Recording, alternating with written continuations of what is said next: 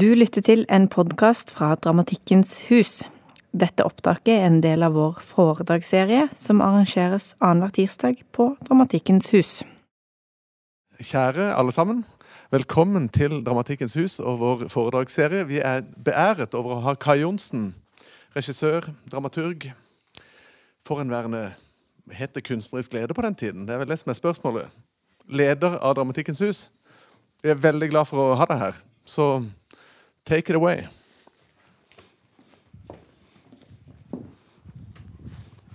Takk skal du ha. Det er en glede å få komme tilbake. Jeg må gjøre det pent rundt meg. Eh. Takk for at dere har tatt uh, turen hit i kveld. Ut av familielivet og været og inn hit for å høre på meg snakke.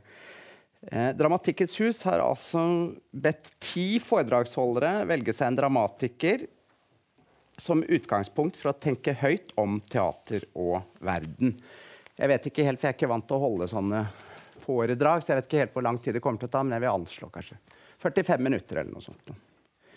Jeg har kalt mitt foredrag Pia Maria-roll et prosjekt hvor tekst ikke kan skilles fra kontekst, og et annet vi kommer i spill. Den 11.3.2012, for litt over fire år siden, gikk en liten mann opp på denne scenen. Eh, det, vil si, det var ikke denne scenen, det var i rommet ved siden av. for jeg trodde jeg skulle snakke. Så alle mine gode eksempler på hva som har skjedd inni det rommet der, faller nå dødt eh, ned. Men altså den 11.3., for fire, litt over fire år siden, gikk en 78 år gammel mann, Peter Maxwell Davis, en engelsk komponist, inn i det rommet der eh, for å holde et lite foredrag. Eh, jeg hadde gruet meg fælt, for jeg jobbet hardt på den tiden. Jeg vet alle de som jobber på dette stedet Her Her jobber man stort sett hardt. Jeg gruet meg til å dra hjemmefra ned for å høre på en gammel engelskmann stå og snakke om gammel eller ny musikk. Eh, men jeg angrer ikke på at jeg tok meg ned hit eh, allikevel. Han sto rett opp og ned i 50 minutter og snakket rolig om sitt arbeid som hadde brakt ham først fra de største scener i hele verden, samarbeid med de fremste regissører og, eh, eh, og, dirigenter. Deretter så trakk han seg tilbake og levde tilbaketrukket som musikklærer som mange av dere kanskje vet, på den engelske landsbygda. Hvor han gradvis trente opp barne- og ungdomsskolemusikere i sitt nærmiljø. Skrev spesialskrevede verk for dem. Musikkteaterverker for dem. Og disse verkene har siden blitt spilt på de fleste, eller på veldig mange store og små scener over hele verden. Jeg oppfattet det som en eh, veldig flott fortelling om sammenhengen mellom det lille og det store, det lokale og det globale, det konkrete og det abstrakte. Dagen etter var jeg for øvrig så heldig å få spise lunsj med han eh, borti operaen. Eh, før han skulle videre opp på Musikkhøgskolen som han hadde bedt om for å, få undervise noen av studentene der oppe. Og nå er han død. eh, Peter Maxwell Davis leste jeg her om dagen. Eh, for litt eh, Altså for fire år eh, og en dag etter at han sto inne i det rommet, så døde han. Det jeg opplevde med å lytte til han, var et helt spesielt og unikt øyeblikk. Og jeg tenkte derfor at jeg skulle benytte anledningen til å dele det lille minnet med dere som har kommet her i dag. Men det finnes også en annen grunn til at jeg kom på eh, den engelske komponisten Maxwell Davis mens jeg drev og forberedte meg til dette foredraget om Pia Maria Roll. Eh, det var ikke bare hans formidlingsevne og glede i absolutt verdensklasse uten manus. Eh, som jeg hadde tenkt å ha som et forbilde, men der ferga jeg ut. Jeg husker ikke ansiktet hans helt, men jeg husker kroppen veldig tydelig i rommet der inne. Det var performancekunst av absolutt verdensklasse, og jeg glemmer det aldri. Men den andre grunnen er et annet minne fra dette rommet. Nei, det rommet der inne. Eh, også en veldig minnerik hendelse, et slags høydepunkt, kunne jeg kanskje si, i mitt etter hvert ganske lange teaterliv. Ni dager senere, etter at uh, sir Peter Maxwell Davies uh, sto på scenen der inne den 22.3., altså ni dager senere, kom det en bitte liten flokk med mennesker. To voksne og et barn. Uh, jeg klarer ikke å huske om det var en hund med eller ikke, men i hvert fall denne lille flokken kom opp på scenen der. Foranledningen for denne entreen var et stort symposium, tror jeg man kan si. Eller en festival kuratert av Siri Forberg, som som vanlig kom for sent inn døren.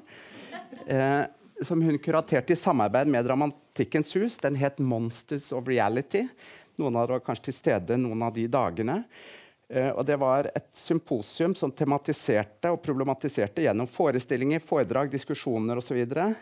Dette skiftet mot dokumentarisme, virkelighetsnærhet etc. i dagens scenekunst. De tre som entret scenen denne formiddagen for fire år siden, var amerikanske Matthew Landy, visepresident i Statoil og direktør for internasjonal skatteavdeling i Statoil. Datteren Astrid Landy på ett år og Pia Maria Roll.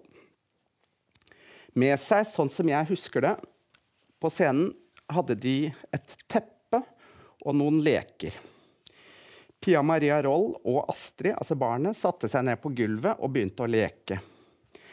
Landy og Roll forklarte at han hadde tatt seg fri fra jobben under forutsetning av at han kunne medta sin datter, som han hadde ansvaret for, måtte ha ansvaret for denne dagen.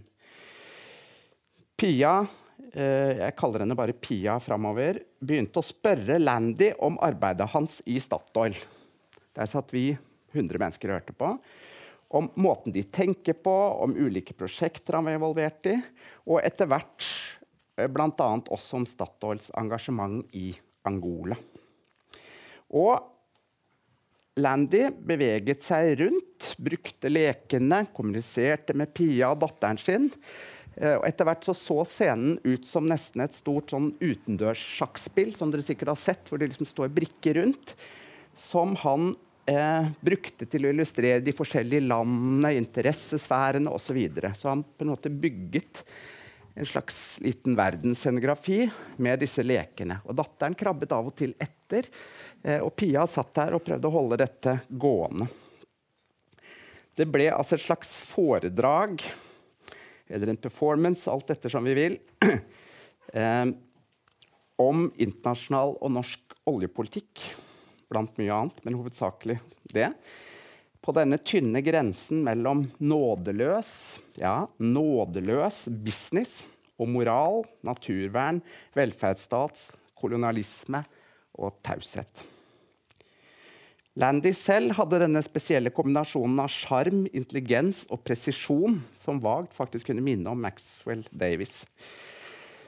Se for dere bildet som ble skapt der inne i det rommet. Den store verden spredd rundt på scenen i hendene på en amerikansk oljedemiurg og det lille barnet som lekte rundt i det samme landskapet. Mens kunstneren ser på, skaper, deltar, bivåner, påvirker. Jeg kan vanskelig se for meg en bedre iscenesettelse av oljepolitikkens overgripende betydning i så utallig mange menneskers liv.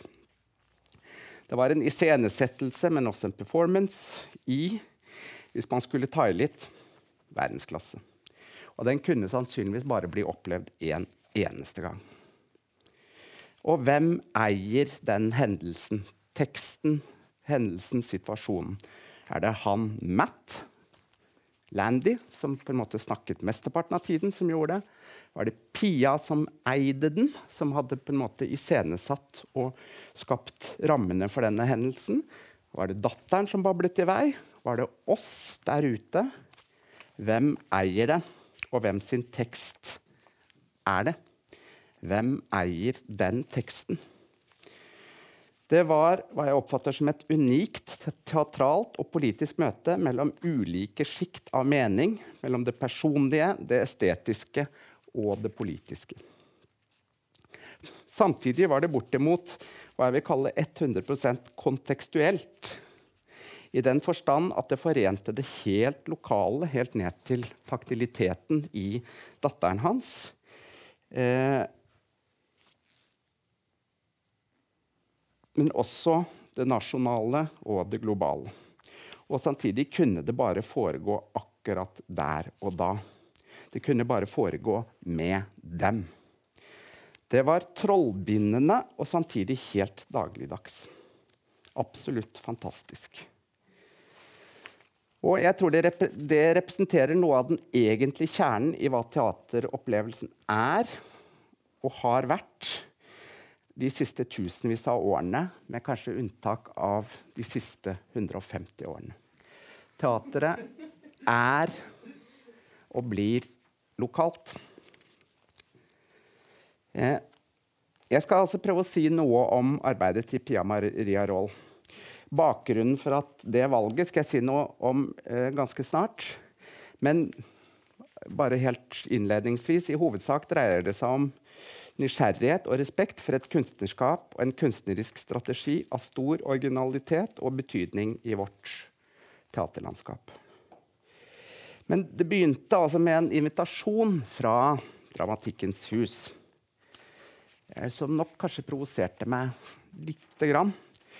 Eh, kan du holde foredrag om din favorittdramatiker? Og da går det jo sånn fort gjennom hodet på enhver teaterregissør. Hvem skulle jeg da velge? Skulle det være Racine, som er ens favoritt? En slags fransk klassisistisk eh, streng eh, på vers. Fransk dramatiker. Skulle det være Maurice Materlink, den belgiske tidlig modernistisk med sitt lyrisk banalt banale overflatedrama med dype undertoner. Skulle det være Anton Tsjekhov med den absolutt beste replikken som noen gang er skrevet, etter min mening, hvor onkel Vanja sier han er 47 år gammel. Hvis jeg blir 60, hva skal jeg da bruke alle de årene til? Tidlig Ibsen kunne jeg kanskje ha liksom kommet på å velge. Eller Beckett, som fikk teatret til å dø, som jeg pleier å si. Eller Heine Müller, som jeg ikke har noe greie på. Eh, som for all tid har legitimert et fullstendig utvidet dramatikerbegrep. Han skriver i en sceneanvisning handlingen kan varieres etter behov.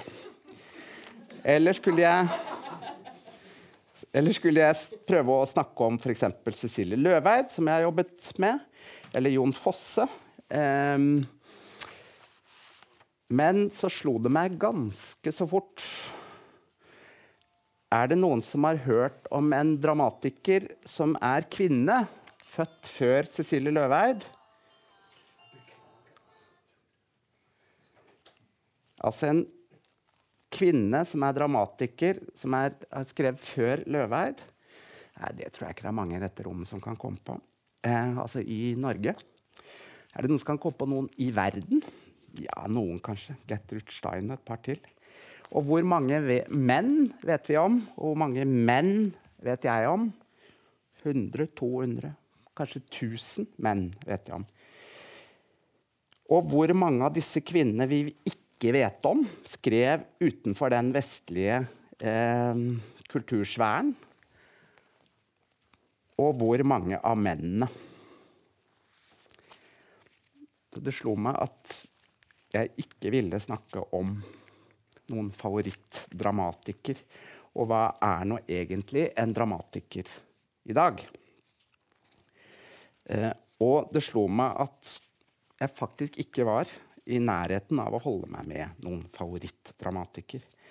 Jeg tror jeg i utgangspunktet er mer opptatt av hva tekst i og for scenekunst er, enn av dramatikeren eh, som sådan. Eh, og dette er sagt av den her i landet. Kanskje den som har satt opp flest nye teaterstykker skrevet av dramatikere. Altså dramatikere i mer sånn klassisk forstand. Men da også spørsmålet som brakte meg videre på veien mot det at jeg tenkte at nei, det er Pia jeg vil snakke om. Hva er tekst? Hva kan det være når det frigjøres fra romantikkens hvite, mannlige genidyrkingsideal og transformeres inn i et annet og kanskje utvidet sosialt og kunstnerisk rom til et flerstemmig oss, et slags vi, i en utvidet tekst. Teatret er slik jeg ser det, sosial praksis, og teatret handler mer enn kanskje noen annen kunstart om sosialitet. Og problemene og dilemmaene knyttet opp mot sosialiteten, samværet som eksistensiell og politisk størrelse. Selv har jeg, om dette får være litt sånn en passant, kommet til at jeg kanskje aldri mer skal sette opp tekster som ikke er nye konteksten ved det gamle Apropos favorittdramatikere, altså døde menn. Eh, ved det gamle vil alltid i noen grad være at det er nettopp det. Gammelt. Uansett hvor mye Ibsen snakker groruddalsk. Ibsen har blitt en slags merkevære, klassiker, noe som er viktig, ja, men også som i noen grad per definisjon er anakronistisk. Samtidig så lever vi med det paradokset i vårt teaterland eh, at med teatret som har konstituert seg selv i stor grad som historiserende. Teater som får et problem hvis det ikke knytter seg opp mot noe annet, altså enten en gammel tekst eller en, en stjerne fra populærkulturen eller lignende. Eh, og et eksempel på det, som høres styggere ut enn det er ment, Scenografen for forestillingen sitter her i salen, til og med. Eh, hvis dere husker Anders Paulins oppsetning av 'Villanden' på Nationaltheatret Det ble sett av massevis av folk, og det var skoleforestillinger, og det gikk 50 ganger. Og det hadde ah, Vanskelig å se at det hadde noe som helst med Ibsens 'Villanden' å gjøre, selv om det het Ibsen. Villanden. Eh, første scene sånn som jeg husker det, var en lang og kjedelig framføring av en Kafka-tekst. Altså jeg har etterpå blitt fortalt at det var Kafka som hadde skrevet den. Som verken skuespilleren eller jeg skjønte så veldig mye av overhodet. Eh, men det var en fin forestilling, og jeg mener det faktisk alvorlig. Eh, men samtidig så opplever jeg at den på en eller annen måte seilte under falskt flagg. Og at den peker på dilemmaet vi står oppi hva er det som må til for at, dag, at teateret i dag skal vekke appell? Samtidig, for å ta Anders Paulin, som jeg tror er en betydelig teatermann I forsvar så er det han driver med, er også det teatret har gjort til alle tider. Overskrivninger.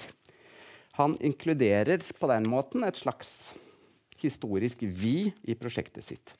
Så Det er ikke lett å, å, skille, og jeg fordømmer ikke på noen måte forestillingen, men det peker på et slags dilemma. Eh.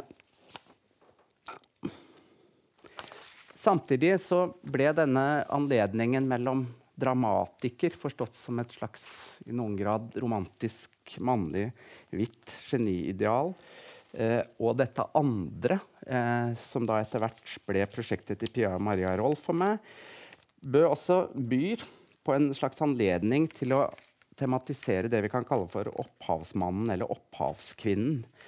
Hvem er hun eller han i dagens scenekunst? Jo, det er f.eks. Jon Fosse, det, som jeg har jobbet mye med. Eller også Arne Lygre. Eh, Cecilie Løveid. Eh, dramatikken, mye av dramatikken som har blitt til, mye av den som har overlevd de siste 125 årene, er en slags vare som skal være omsettelig på et stort teatermarked. Noe som kan tilpasses eh, og rekontekstualiseres. Jeg tar ikke avstand fra det. Eh, jeg har brukt store deler av mitt yrkesliv på det. Men jeg har samtidig lyst til i dag eh, å reflektere over det motsatte. Eh, selv om så må jeg skynde meg å tilføye at det går an å si at f.eks. Fosse virkelig er forankret i noe lokalt. I et landskap, en snakkemåte, et historisk forankret kunstrom. Altså en, det jeg kaller en tydelig kontekst. Eh, men det som ikke kan omsettes i noe annet enn en relativt spesifikk her og nå-framføring. Jeg vil tro at det er vanskelig å si at ingen tekst kan heve seg over, en eller annen form for kontekst. Jo, forresten, jeg tenker meg om, jeg kan komme på veldig mange slike, og de er veldig ofte uinteressante. Fordi det, ut, det motsatte, altså det kontekstuelle, utgjør en vilje til å tematisere noe reelt sosialt, og derigjennom politisk i en utvidet betydning av ordet. Hvem er så denne Pia Maria Roll? Jo, hun sitter der. Og kanskje hun etter hvert kommer opp for å respondere eller diskutere. Vi får se etterpå om hun har lyst til å komme opp og snakke litt med meg og dere. Den første gangen jeg kom i reell kontakt med henne, var, har hun fortalt meg, for jeg husket ikke, da jeg jobbet som scenekunstkonsulent i Norsk kulturråd for ca. 15 år siden. Jeg så henne da i en barneforestilling på Museet for samtidskunst.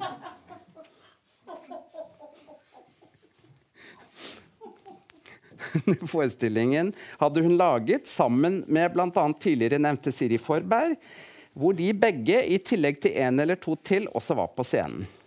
Jeg har et vagt minne av forestillingen. Noe gult. Og noe som ofte reiste seg opp og ned. Pia har selv fortalt meg at hun eh, og de andre den gang visste en god del om scenekunst, men absolutt, absolutt ingenting om barn. Og Forestillingen var visst en del av et forskningsprosjekt som skulle tematisere nettopp scenekunst for barn på nye måter. Ti år etter denne mitt første møte med Pia Maria Roll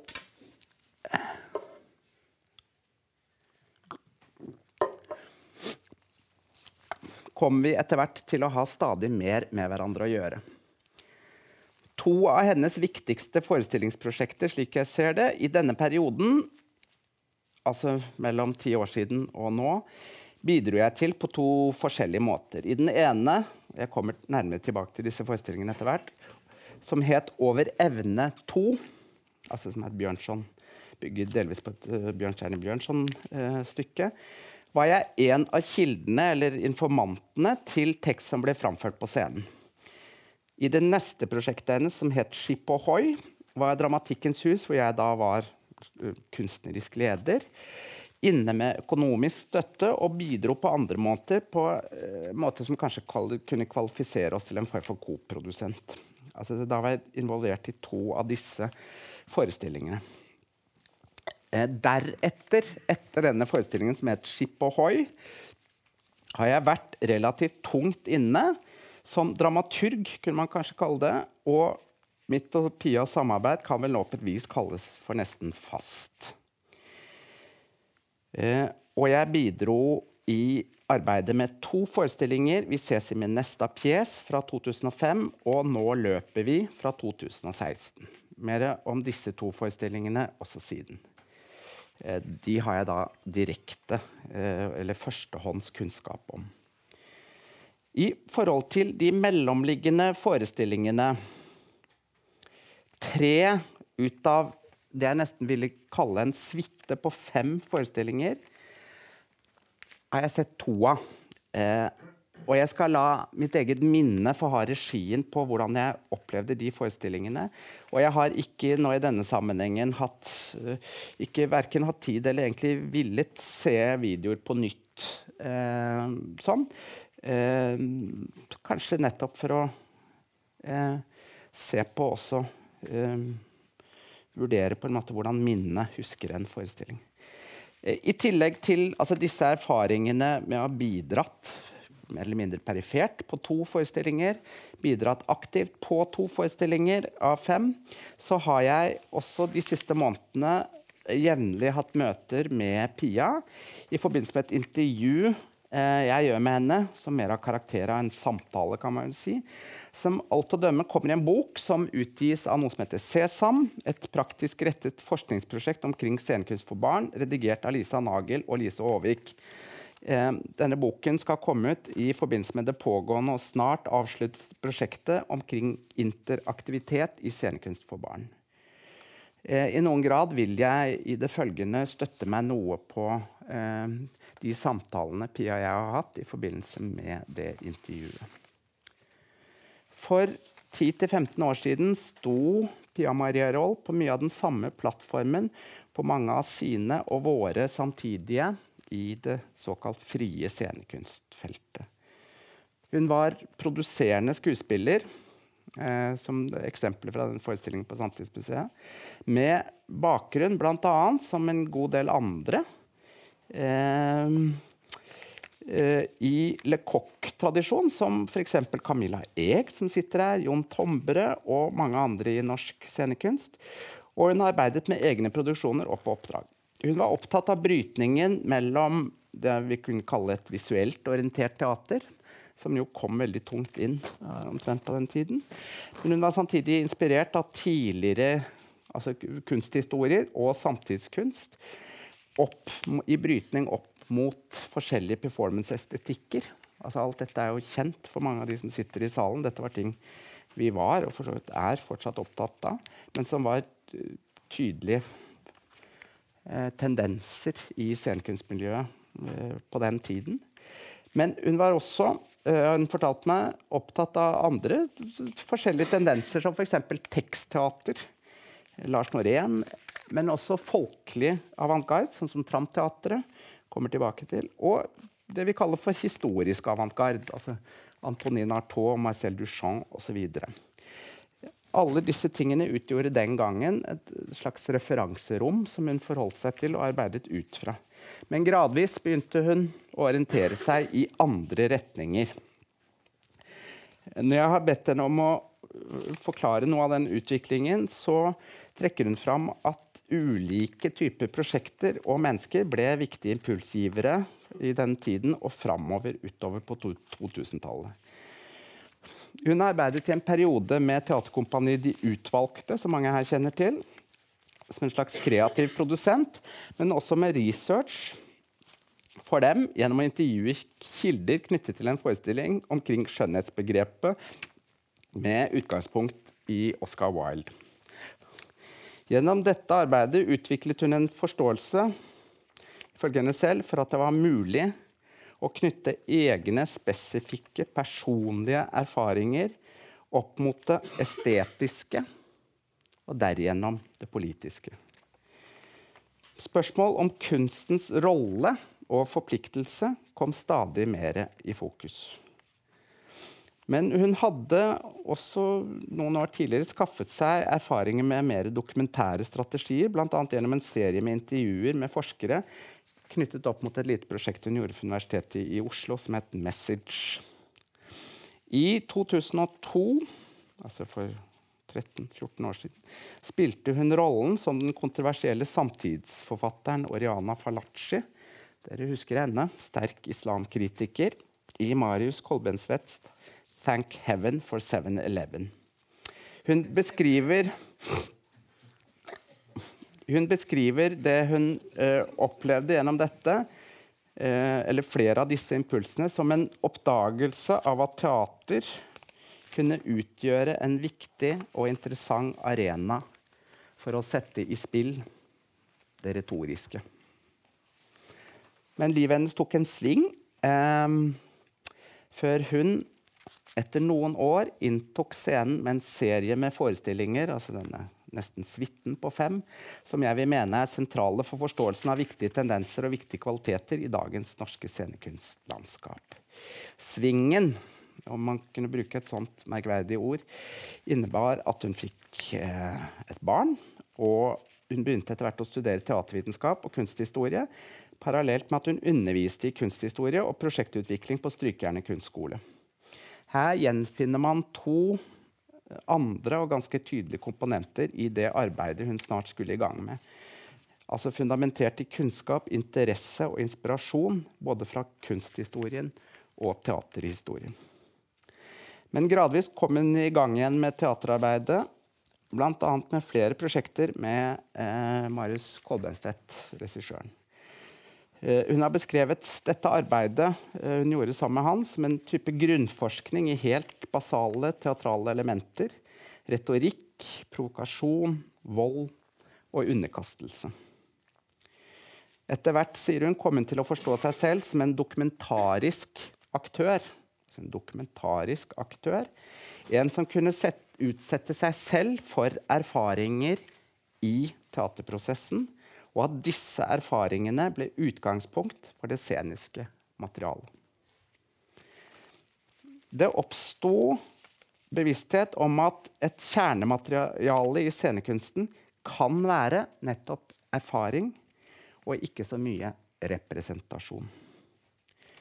Hun ble på denne tiden mer og mer premissleverandør og forsto, slik hun formulerte selv, i hvor hennes potensial lå også som tekstprodusent. I 2008, som da vel blir åtte år siden, tok hun så med seg en bekjent, en gammel venninne, opp på Black Box Teaters store scene i sin egen og etter hvert smått berømte forestilling The Street Scene. Den så jeg dessverre ikke. Prosessen fram til The Street Scene varte visstnok i flere år. Av, et av utgangspunktene altså flere utgangspunkter, var avsløringen, eh, forteller hun, av at Gunther Grass, en av europeisk venstresidets store helter, som dere kanskje husker, hadde vært med i Waffen SS under krigen. Og det var altså de jævligste av de jævlige, de som var i Waffen SS. Eh, men dette hadde han valgt å holde hemmelig, og dette skapte voldsomme reaksjoner i tysk offentlighet på den tiden. Det nådde til og med langt opp og inn i Norge. Dette hadde ledet Pia til å stille spørsmål knyttet til det å ha forbilder og guruer, eh, rene helter osv. Men også derigjennom til å se og oppdage ulike forbindelseslinjer mellom metafysikk og vitenskap, fornuft og religion. Forestillingen tok utgangspunkt i en reell og scenisk dialog med altså, som jeg sa, en gammel venninne. En som hadde gjort helt andre livsvalg enn Pia Maria Roll selv. Venninnen hadde, slik uh, Pia vurderte det, uh, har hun sagt, på en måte sviktet deres felles Brecht-inspirerte teaterprosjekt mange år tidligere og reist til India. Eh, deretter USA. Hun var blitt guru og har dannet nærmest sin egen skole. Blitt en enorm suksess, en million følgere på internett og var med på konferanse med Al Gore osv. Mens Pia samtidig mer eller mindre sto, som vel mange av oss kjenner seg igjen i, med 50 publikummere på Black Box. Hvis målet var samfunnsforandring, samfunnsforandring, hvem av dem var det da som vant? Omkring dette hovedspørsmålet utspilte forestillingen seg. The Street Scene. Terje Nordby fra Tramteatret. For de av dere som ikke vet eller husker, eh, så var Tramteatret en helt spesiell og viktig konstellasjon i norsk moderne teaterhistorie. Overgangen 70- og 80-tallet en frigruppe, men som arbeidet på en litt annen måte enn det som var vanlig. kanskje, Med stort gjennomslag med folkelig og politisk musikkteater. Terje Nordby dukket opp på scenen i denne forestillingen, hvor Pia og hennes venninne står og forteller sine ulike historier. Eh, og fortalte de på scenen og publikum om Brecht. Og Pia forteller at Brecht sto opp fra graven i Pia Maria Rolls egen skikkelse og hadde ført til lange diskusjoner med Nordby om kunsten, forfølelsen og politikken. Men slik hun har formulert i ettertid eh, Håpet var at forestillingen skulle gi publikum en følelse av at de også kunne ha vært med på scenen. At de også satt med noen erfaringer, en tekst, som kunne belyse disse spørsmålene. Og her i denne forestillingen finner man de første i hvert fall veldig tydelige og pregnante avtrykkene av en type dialogisk form som jeg mener hun har gjort til et av sine særpreg. Og slik jeg har oppfattet det, ble denne forestillingen Street Scene fra 2008 en form for modellforestilling for henne. Altså modell til etterfølgelse, eller altså som kunne utvikle nye tanker omkring. Eh, og Hva besto denne modellen av? Jo, den besto av personlige møter altså et sted hvor personlige møter og historier kontekstualiserer og kontekstualiseres av de større fortellingene som styrer våre liv som mennesker. borgere og politiske vesener. Altså Jeg gjentar det, bare så jeg skjønner det selv også. Personlige møter og eh, historier kontekstualiserer og kontekstualiseres av de større fortellingene som styrer våre liv som mennesker, borgere og politiske vesener. Jeg tror hun her fant en metode som hun siden har videreutviklet, og videreutviklet, og hennes senere forestillinger kan sies å arbeide med ulike formler, både innholdsmessig og formalt, som kan forstås som refleksjoner rundt problemstillinger hun satte i spill i forestillingen 'Street Scene' i 2008. Selv formulerer hun det som at denne strategien utgjorde forsøk på å spisse det hun var interessert og engasjert i, gjennom å prøve å skape samtaler. Hun er ganske bestemt på at hun ikke driver med intervjuer, altså med de hun jobber med, eh, de agentene eller aktørene eller informantene eller hva vi nå kaller det. Altså hun er ganske bestemt på at hun ikke driver med intervjuer.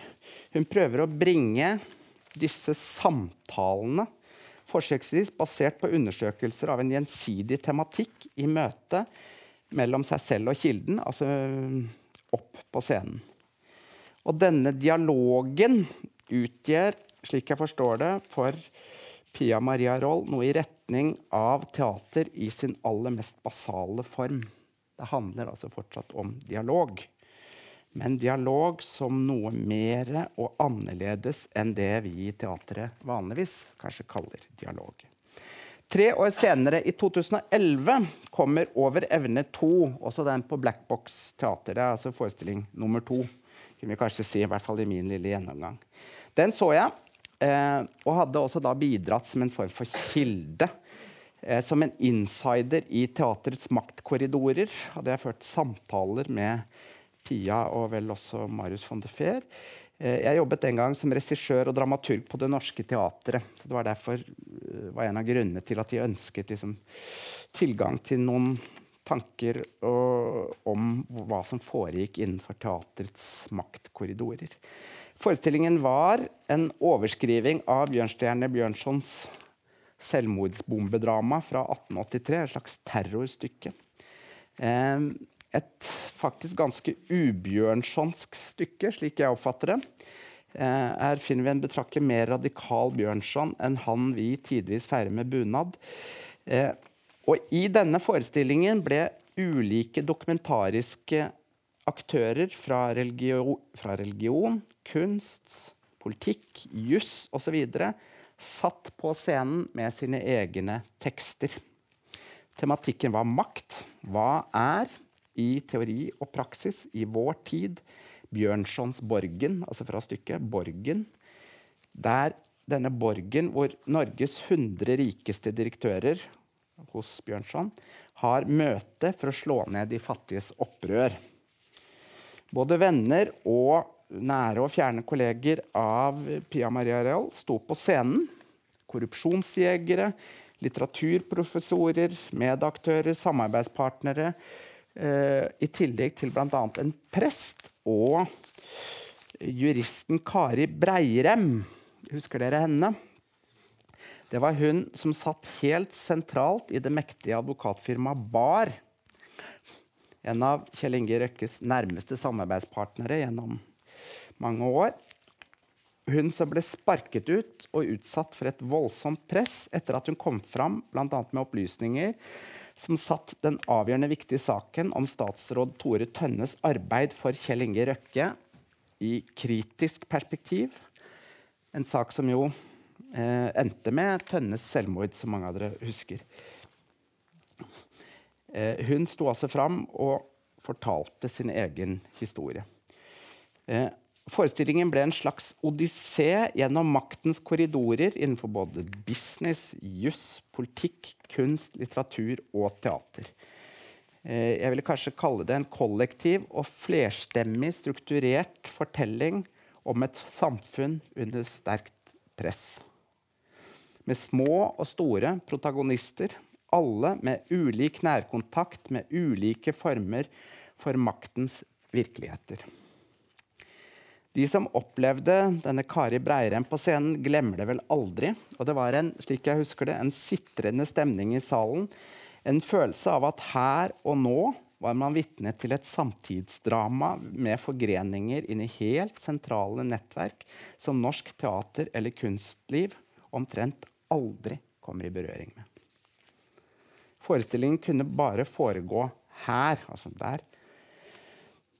Den handlet om maktutøvelse som ga seg helt konkret utslag i våre egne gater og institusjoner akkurat på den tiden. Det var site specific her og nå politisk teater med avanserte kunstneriske strategier som motor og uttrykk. En sammensatt kaller jeg det, komposisjon og fremkalling av ulike menneskelige og idehistoriske og politisk kritiske perspektiver. Selv husker jeg at jeg stilte meg noen spørsmål til sammenkoblingen av aktører og historier som var veldig personlige dokumentäre, og andre mer fiksjonspregede lag. Men like fullt, slik jeg ser det, i hvert fall i dag, var den en svært viktig forestilling og enda et viktig skritt i retning av utviklingen av en svært gyldig form for det jeg kaller for iscenesettelse av viet i samtiden. I Skip Ohoi Nå nærmer vi oss vår tid her, holdt jeg på å si. Blackbox Teater i 2012. Den tredje forestillingen i denne suiten ble norsk internasjonal oljepolitikk satt opp mot andre typer virkelighetsparametere i dette dramaturgiske skjæringspunktet mellom det personlige, det estetiske og det politiske. Det var omtrent på denne tiden hun lagde den performancen jeg tidligere refererte til, eh, i rommet der inne. Forestillingen var nesten in the round, som man sier, i scenerommet på Blackbox store scene. Det begynte med at den samme Terje Nordby fra eh, Tramteatret øh, og veldig mange andre sammenhenger spilte gitar og sang. Deretter ble ulike fortellinger, kaller jeg det, med ulik tilknytning til ulike personlige og politiske, ofte tett øh, sammenvevd, som de nesten alltid er hos øh, Pia, Eh, altså, disse fortellingene med ulik tilknytning til ulike personlige og politiske lag eh, ble eh, iscenesatt nesten solistisk, men også i en tidvis mer simultan eh, dramaturgi. Den tematiserte bl.a. norsk skipsfartshistorie. Den eh, forholdt seg helt konkret til flyktningsituasjonen, som den gang ikke var så dramatisk som den er nå i våre dager. Og forestillingen hadde også en medvirkende som var papirløs flyktning, som nesten ble kastet ut av Norge på den tiden eh, forestillingsarbeidet pågikk. Eh, men eh, prosjektet handlet kanskje helt spesifikt om norsk oljepolitikk. Det var nesten sånn som jeg husker det, som å sitte rundt et teatralt leirbål for å få høre fortellinger som kontekstualiserte hverandre og satt hverandre i stadig skiftende perspektiv på måter som ville fått Sergej Eisenstein, den russiske teater- og filmregissøren, eh, montasjeteknikkens mester, kunne man si, som særlig virket i, på, i Sovjet på 20- og 30-tallet, han ville ha nikket bifallende til denne montasjen samtaler i spennet mellom det personlige og det politiske settes i teatralt spill. I et slags skjæringspunkt mellom noe spesifikt og dokumentært. Dette møter i sin tur oppriss, kaller jeg det, av ulike større politiske og historiske dramaturgier. Forestillingene prøver, inntrengende vil jeg kanskje eh, si, og si noe om at vi må forstå og forholde oss til sammenhengen mellom disse nivåene. Altså det personlige og det politiske. Eh, og at de ikke er kontrære størrelser. Og forestillingene ber også om, slik jeg oppfatter det, at folk skal ta, komme i gang med, eller utvikle arbeidet med å ta stilling. De som er på scenen, og vi som ser på, gjøres til ansvarlige mennesker som både er helt unike, samtidig som vi framstår som politiske arketyper. Vi settes i scene i et felles vårt felles rom teatret. Mellom 2013 og tidlig i 2015 pågikk arbeidet med 'Ses i min neste pjes', som da blir vel den fjerde eh, i denne serien. Eh, 'Ses i min neste pjes' det er jo da Altså, vi skal ses i mitt neste teaterstykke. Det er et Strindberg-sitat. Eh, og her var jeg da blitt en absolutt aktiv deltaker i Pias prosjekter. Eh, og jeg kan nå gå over til å beskrive prosessene kanskje med enda større faktisk kunnskap. Litt enkelt sagt kan man si at denne forestillingen ses i min neste pjes rommet én rammefortelling som rommet en annen rammefortelling, som rommet fire nesten selvstendige fortellinger. Alt dette strukturert gjennom rombruk, bevegelsesspråk, lyd, lys og filmarbeid. Det utgjorde en form for reelt kollektivt arbeid. Samtidig var det absolutt preget av én sterk, tilstedeværende, skapende kraft, som var da Pia Maria Roll. Den ytterste rammen i forestillingen var at Pia hadde blitt invitert til å holde et foredrag på et seminar i regi av Norsk publikumsutvikling i 2014. Gradvis, mente hun, opp mot denne, dette seminaret, mente hun å ha forstått at det man var ute etter, var å kunne kapitalisere på hennes kunstneriske strategier i andre sammenhenger. Altså, hun skulle på en måte gi de råd om hvordan man kunne bygge publikum, eller litt enkelt sagt selge kunst på et markedsstyrt torg under skinn av å representere sosialdemokratisk kunst- og kulturutvikling. Grunnen til at hun var invitert dit, var bl.a. i tillegg at en av tilretteleggerne for dette arbeidet og konferansen var den tidligere nevnte samarbeidspartneren Siri Forberg. Hun som altså kuraterte Monsters of Reality her på Dramatikkens hus. Og her finner man igjen et tror jeg, ganske typisk utgangspunkt for forestillingsarbeidet til Pia Maria Raa.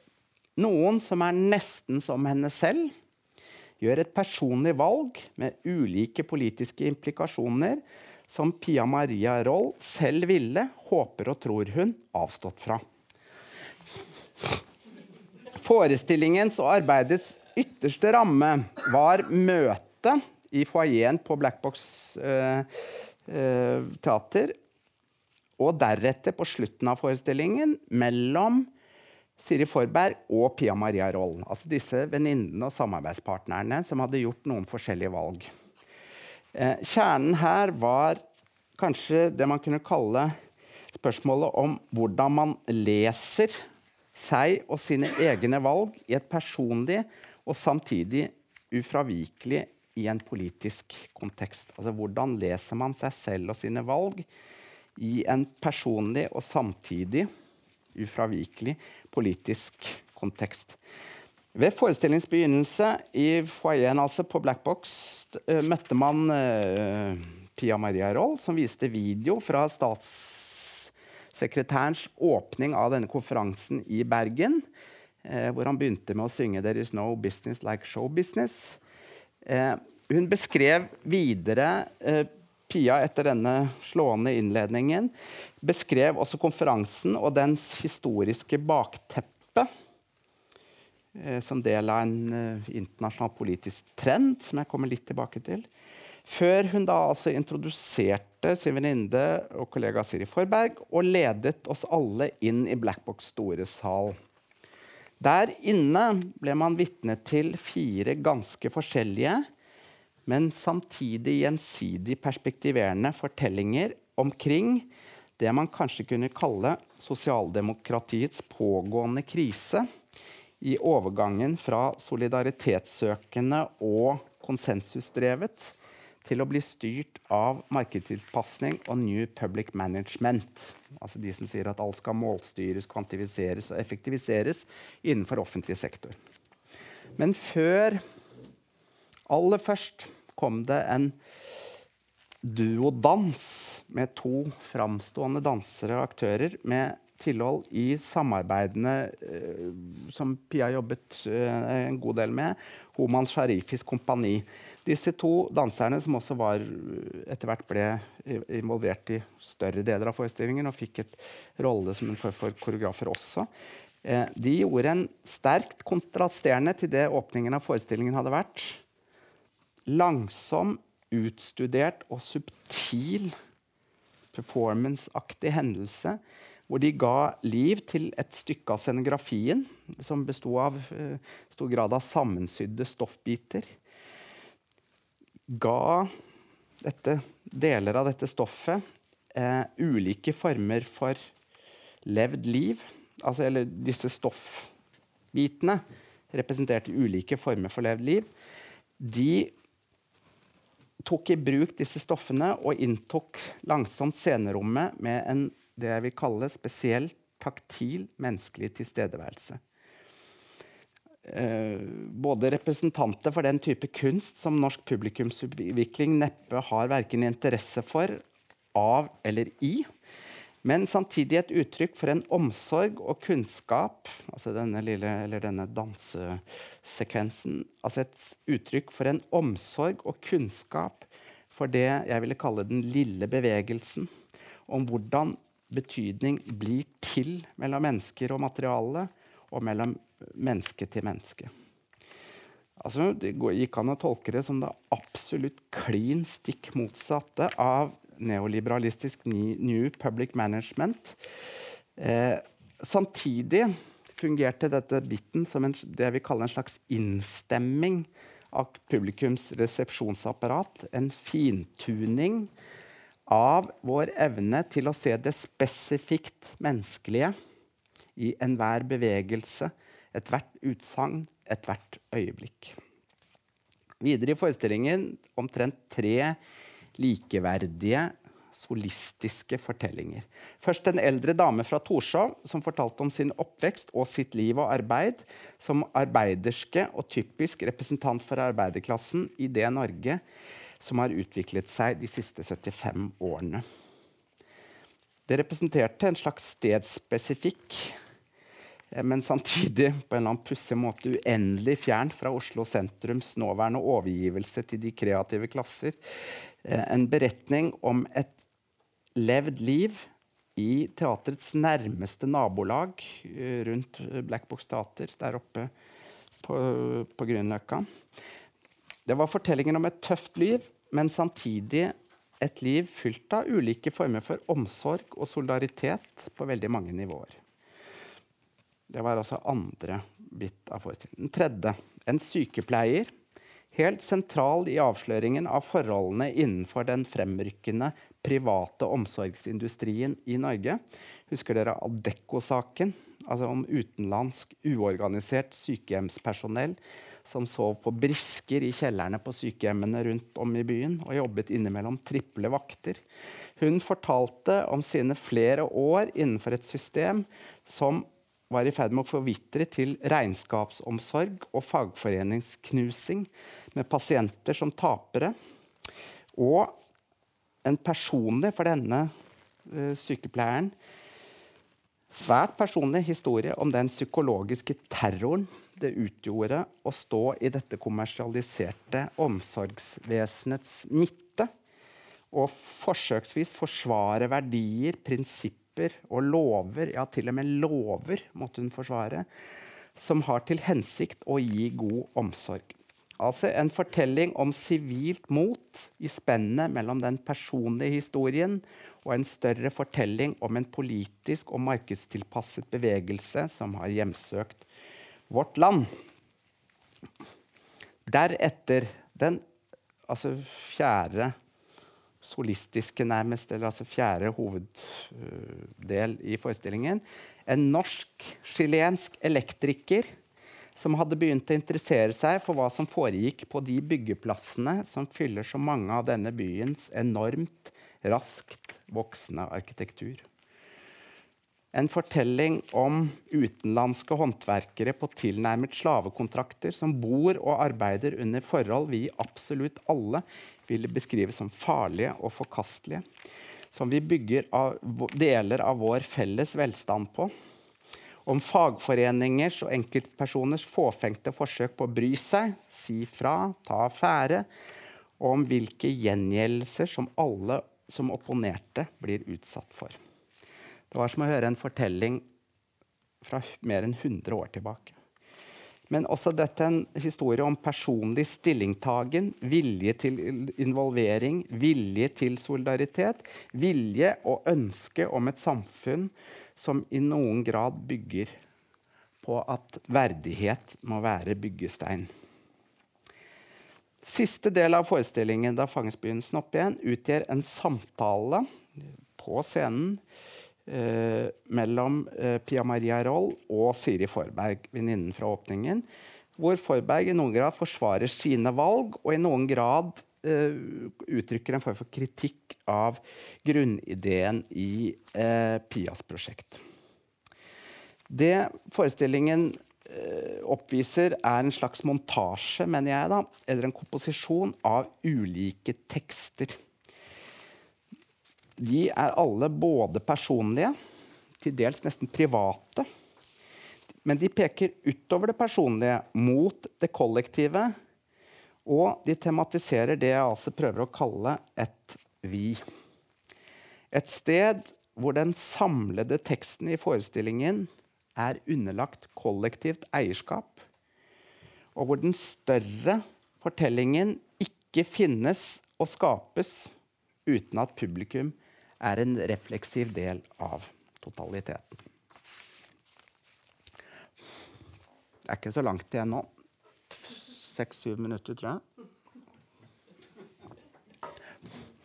Litt mer om prosessene med dette arbeidet. De er grunnleggende sett, som tidligere sagt, bygget rundt ulike former for samtaler. Gjerne over lengre tid. De kan foregå mellom Pia selv og aktøren eller informanten eller medskaperen, alt ettersom hva man velger å kalle det. Eh, mellom de to, eller med noen flere til stede, f.eks. meg. De blir ofte spilt inn på bånd, og dette utgjør etter hvert ganske mye tekstmateriale som må bearbeides. De gjennomgår derfor igjen en form for syntetiseringsprosess. Eh, som samtidig rommer slik jeg oppfatter det, et skarpt øye både for det idiosynkratiske, altså det som er spesielt med hvert enkelt menneske, eh, og det mer allmentorienterte og gjenkjennelige. Eh, og dette blir igjen omskapt til en monologisk og muntlig form. Altså det er en prosess hvor ens egen tekst blir på ulike måter eh, rekontekstualisert på en ny måte. De forskjellige aktørene involveres i ulik grad i dette arbeidet, litt ettersom de ønsker det selv, faktisk, eh, i både utvalg og tilpasning. Målet er at teksten på et vis skal være helt deres egen, eh, men samtidig eh, arbeides det med å gi de eh, sammensatthet med blikk både for dramaturgisk konsistens og særpreg.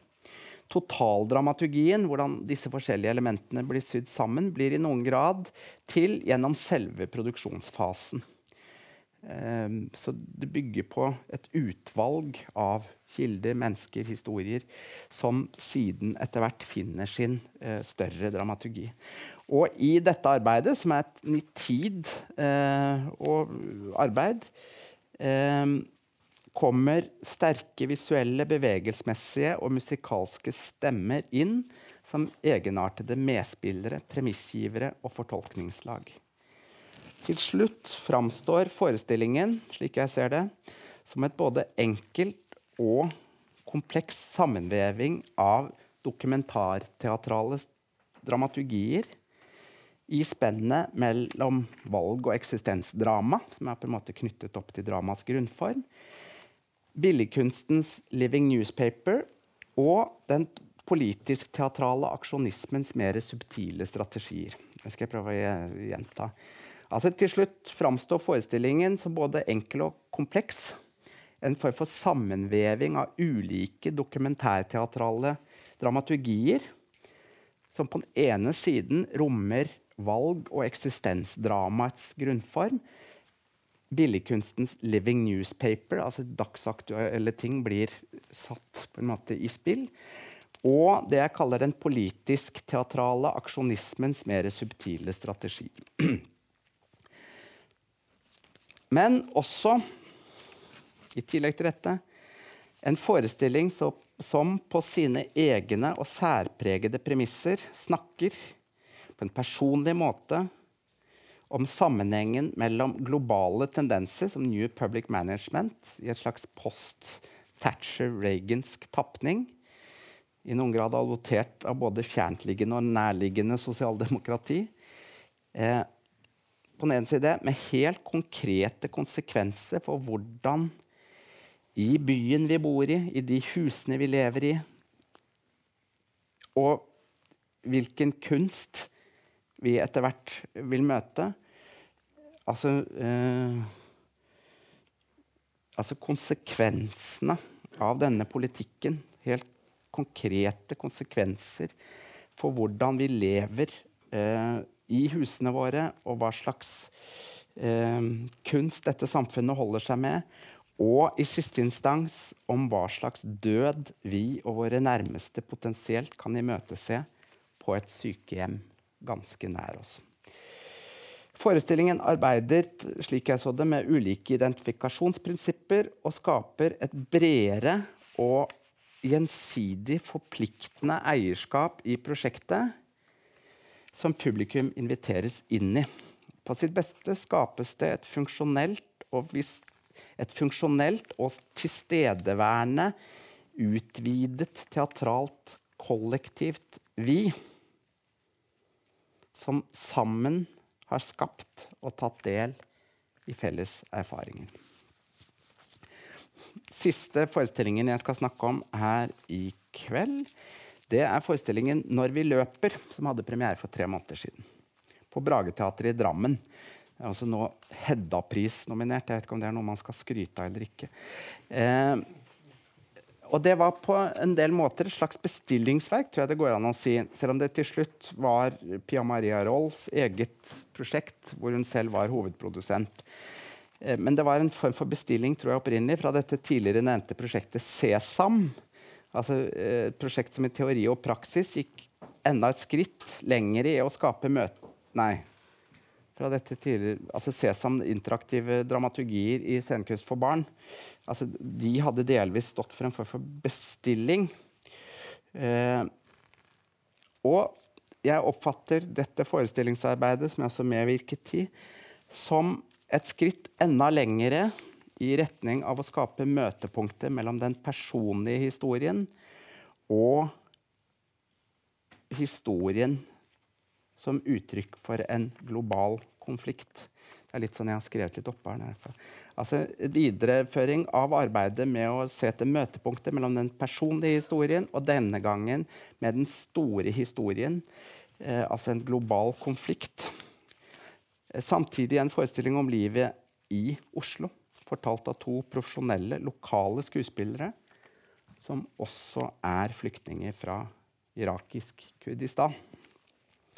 Forestillingen er søskenparet Sara og Bushans felles teatrale fortelling om åtte år på flukt fra Saddam Husseins folkemord mot kurderne via flyktningleirer i, i bl.a. Iran og Pakistan, hvor faren deres døde på veien, til de ankommer Tønsberg som kvoteflyktninger i 1995. Åtte år på flukt.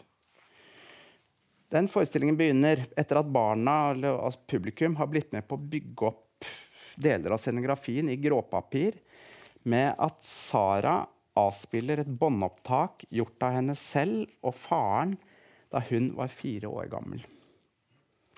Den gang levde de under relativt behagelige materielle kår i Irak.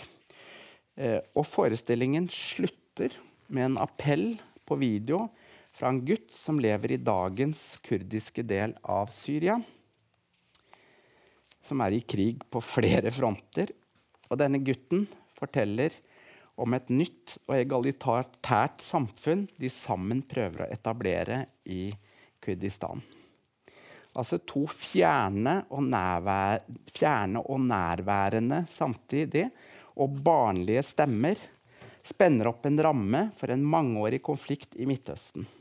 Det er helt konkrete, helt konkrete historiske og politiske situasjoner med dagsvalitet for potensielt sett oss alle, med som hovedprotagonister to barn på vandring hjemmefra, inn i barnehagen og ut på veien gjennom krigen, i fangenskap og frem hit til Norge. Forestillingen utgjør et alvorlig forsøk på å skape identifikasjon med både intellektuell og emosjonell tilkobling til mennesker som har gjort og gjør helt andre erfaringer enn et vanlig barn i Norge gjør. Forestillingens ulike tekstlige nivåer er skapt gjennom samtaler, men også skriveoppgaver, eh, automatisk skrift, møte med familien deres osv. Sammen ble disse tekstene fortløpende bearbeidet og innpasset i en form for stasjonsdramaturgi med visse hentydninger og inspirasjoner hentet fra den engelske barneboken 'Flukten fra Watership'. Barnesanger, egenkomponert musikk av Sara, lekdramaturgi og en, en gjennomgående søskenkjekling ble tilpasset en sammensatt fortellerform en sammensatt fortellerform som samtidig framstår som enkelt tilgjengelig. Igjen er det et utvidet vi som adresseres og settes i spill. Det er selve behovet for og nødvendigheten av et utvidet vi som hele prosjektet strekker seg etter. Men arbeidet sier også mye om hvordan tekst og teatralitet vanskelig kan skilles, at den skal og må leses kontekstuelt, og at ingen eier den. Vi eier den sammen her og nå. Det var det jeg hadde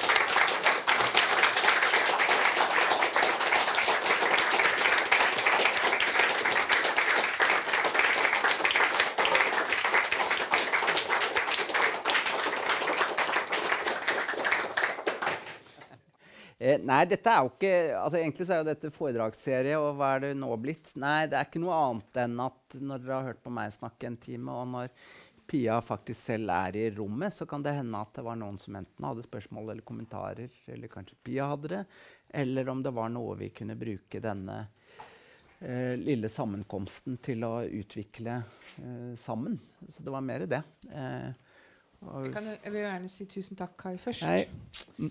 Det er jo selvfølgelig en utrolig stor og helt uh, sitrende ære at du uh, velger å snakke om meg. Ja, du er kanskje ja, en av de, eller om ikke den jeg har mest respekt for i norsk teater. Så det må jeg bare si med en gang.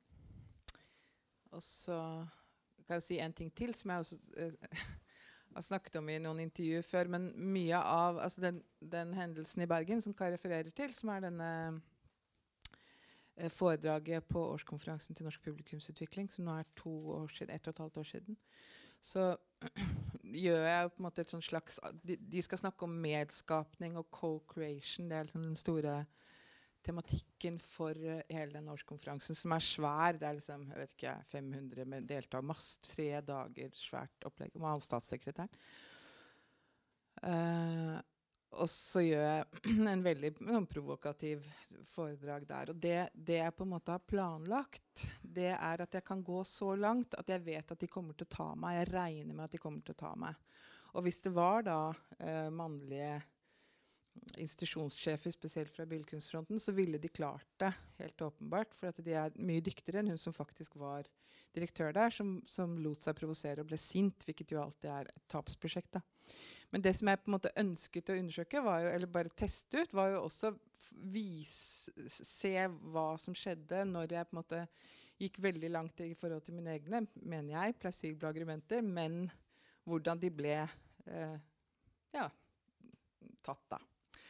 Eh, så det, var, det, er jo alltid Mye av dette arbeidet er jo en sosial undersøkelse og ydmykelse, bl.a. Eller å utsette seg selv for ydmykelse. Jeg har ikke fått Det er jo, mener jeg, interessant. Men for å tåle det, så er det veldig bra innimellom å få en, et foredrag eller innimellom litt ros. Så tusen takk. Takk for det. Ja, nå, er alle de som sitter her, er jo på en eller annen måte nesten medvirkende i prosjektet. Så det er, vi kan kalle det en utvidet familie. nesten. Det er noen her som ikke har vært så mye med. Men uh, er det noen som har lyst til å si noe? Um,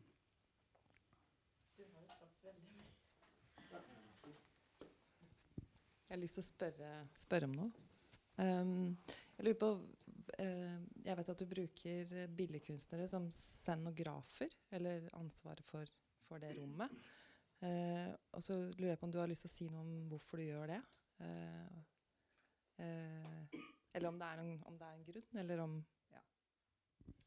Mm, Nei, det er fordi at eh, mye, mye av arbeidet handler jo om å sidestille ulike språk. Ulike kunstneriske språk eller ideologiske språk eller ulike perspektiver på en eller annen måte som jeg som vi lever med parallelt i verden, men som i samfunnet er veldig eh, atskilt. Blant annet altså, kunst og politikk, f.eks.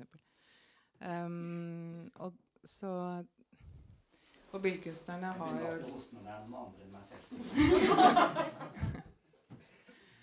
Ehm, og de billedkunstnerne jeg har valgt det, jeg ikke noe, det er ikke noe regel på det, men jeg har jo samarbeid med kunstnere fordi jeg syns de er interessante kunstnere. Og fordi de har sterke egne språk, ikke så mye eh, Jeg har aldri jobbet med noen profesjonelle, altså helt tradisjonelle scenografer som mer kanskje adapterer inn til en eh, så virkelig. Så det, det har vært det at, det at det har vært interessant å jobbe med de kunstnerne som jeg har valgt, fordi at de representerer helt tydelige eh, estetikker. Da. Mm. Du har jo jobbet både med eh, hva skal jeg si personer som representerer seg selv og forteller sin egen historie, men også med skuespillere som forteller andres historier. Kan du si noe om forskjellen på, på det arbeidet for deg?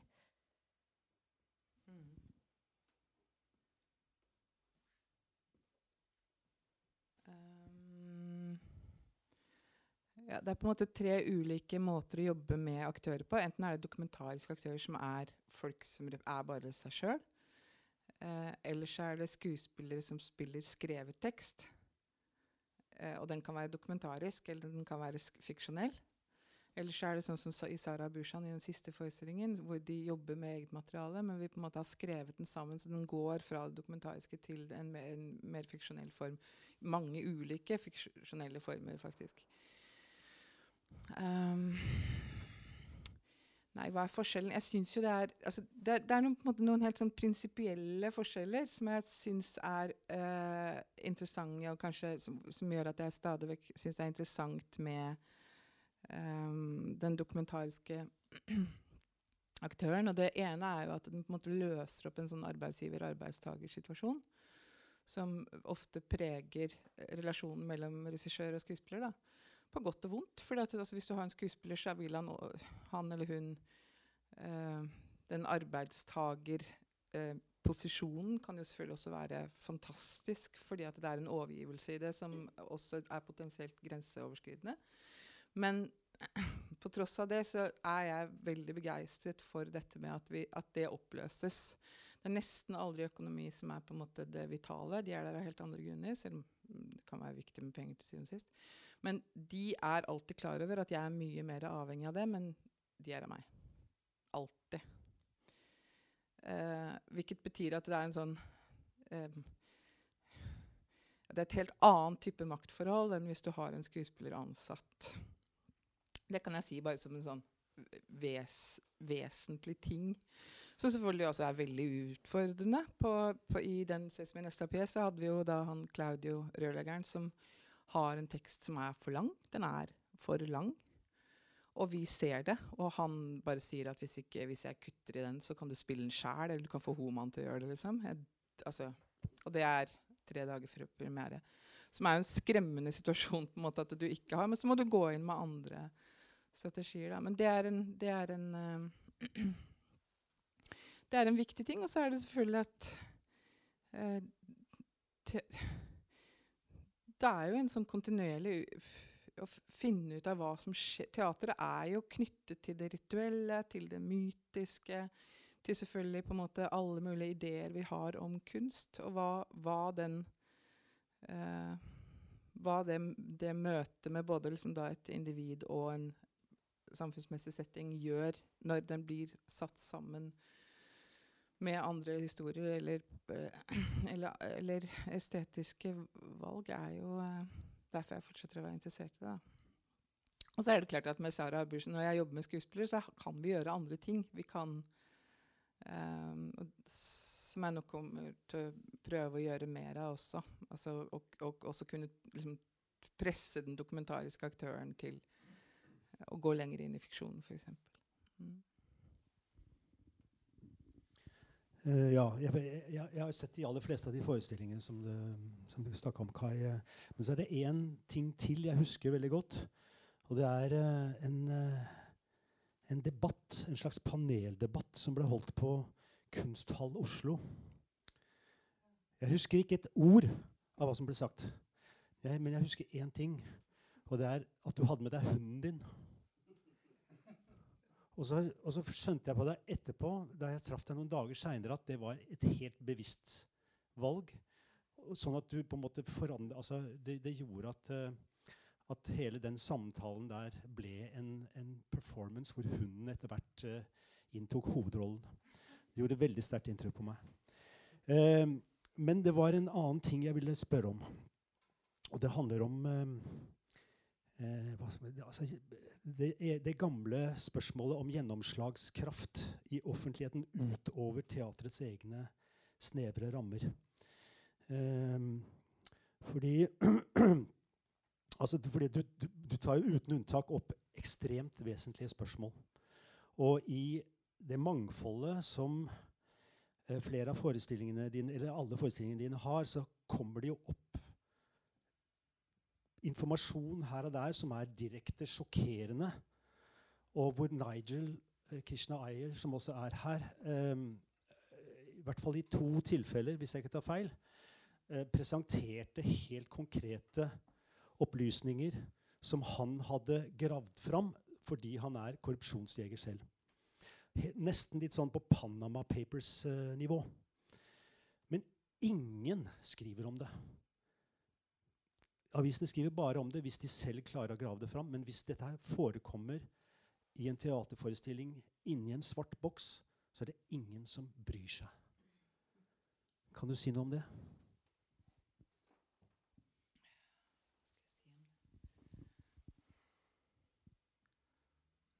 Ja, altså i den første Eh, hvis, vi, hvis, vi, knytter det til liksom Krish, som er her i dag, sine eh, avsløringer, som du kaller det, så var den første var jo egentlig kanskje ikke en avsløring, det var jo knyttet til Kai Brærem og Tore Tønne og Røkke-saken. som jo ikke hadde, altså Hun var jo ikke der for at det hadde nyhetsverdi. Eh, for vi kjente jo til den historien, men vi kjente ikke til alle sider ved den. Og vi hadde ikke selv tatt stilling til henne og hennes selvframstilling, hvilket var det jeg også syns var interessant. Altså Hun var jo hun var jo en, en, speiling av direktørene i Bjørnsons Borgen. disse direktørene. Hvordan ser de direktørene ut? Hun var en veldig ambivalent figur for meg. Det vet hun sjøl også at jeg syns. Um, så, så, det var på en måte den. Så det er jo andre på en måte ting enn nyhetsverdien som tror, altså Da må du jobbe annerledes hvis det er det man er ute etter. Det, vi var jo på møte i BAR, bl.a. Røkkes advokatfirma, når vi holdt på med den forestillingen. Og de sa at uh, dette her må dere, det har dere taushetsplikt om, dere får ikke lov å snakke om det. Og så sa jeg om dere er klar over at vi skal spille det på en offentlig teaterscene. Å ja, nei, det gjør ingenting, sa de. det er Helt uproblematisk. Så de vet jo også at det er i trygge hender hvis de sier ting til meg. Um, når det gjaldt den andre saken i Angola Nei, altså, men Panama Papers, hva slags konsekvenser har det fått? Altså, det er Jeg har, sett, jeg har kanskje sett fem svæ... Ja, statsministeren på Island gikk av, men direktøren i Nordea i Sverige, som også altså, helt åpenbart har begått store, alvorlige overgrep, eller ja, korrupsjon, da, sitter godt. Så, og det er på in, i internasjonal presse over absolutt hele verden. Så så at jeg skal få til noe som ikke På det planet der, det tror jeg er utopisk. Det er ikke, hvis det skulle vært drivkraften, så ville jeg sluttet for lenge siden. Mm. Men det har fått andre, for andre konsekvenser. Er, hvis vi, I de øyeblikkene vi har tatt opp ting som er kunstnært, så er det lettere å eh, skape bevegelse, da. Det, sånn er det. Jo nærmere, jo lettere.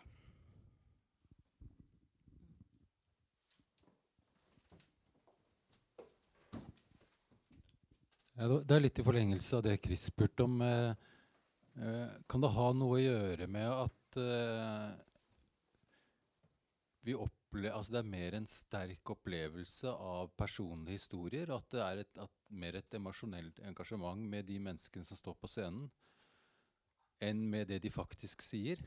Og, den forståelsen vi har av det. For det har jeg lurt litt på. For det, det, er jo sånn som du sier med Kari Breirem, det var jo ikke noe nyhetssak i det hele tatt.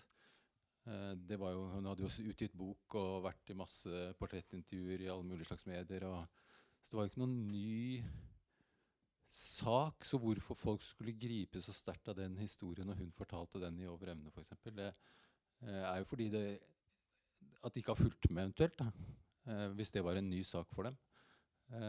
så og hvis det er et, en veldig sånn sterk emosjonell opplevelse mer enn det handler om at man faktisk ønsker å ha en påvirkning eh, har, du tenkt, har, du tenkt, at det er noen sånn moralske aspekter rundt det å gjøre disse sterke historiene til sånn kulturprodukter, da, som du også gjør?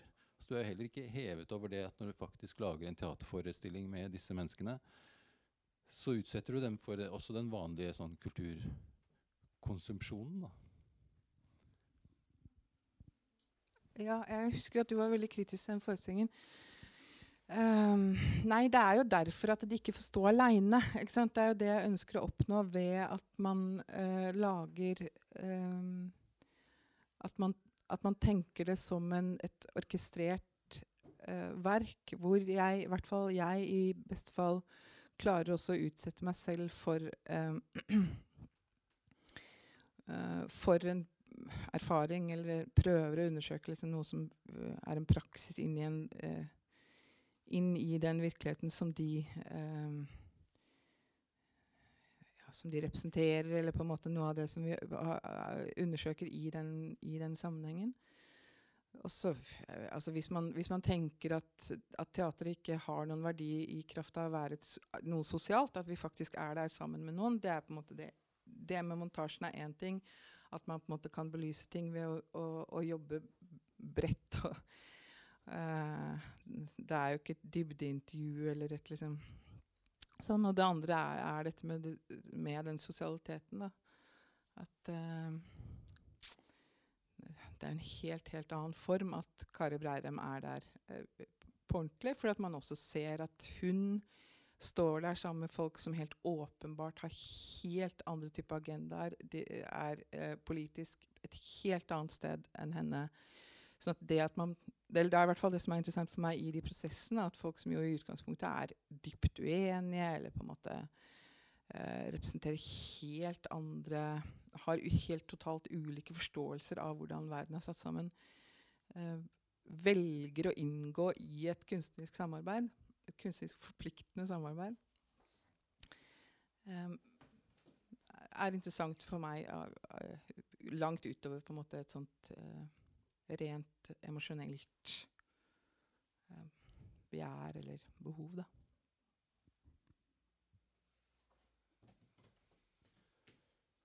Ja, da går jeg ned trappene her um, med et, et um nå skal jeg holde et foredrag til. Ja.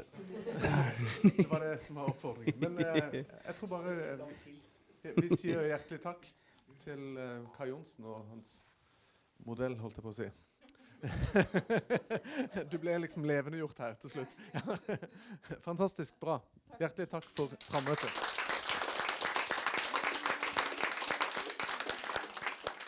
Du har nå hørt en podkast fra Dramatikkens hus. Har du lyst til å høre disse foredragene live? Sjekk ut våre hjemmesider dramatikkenshus.no.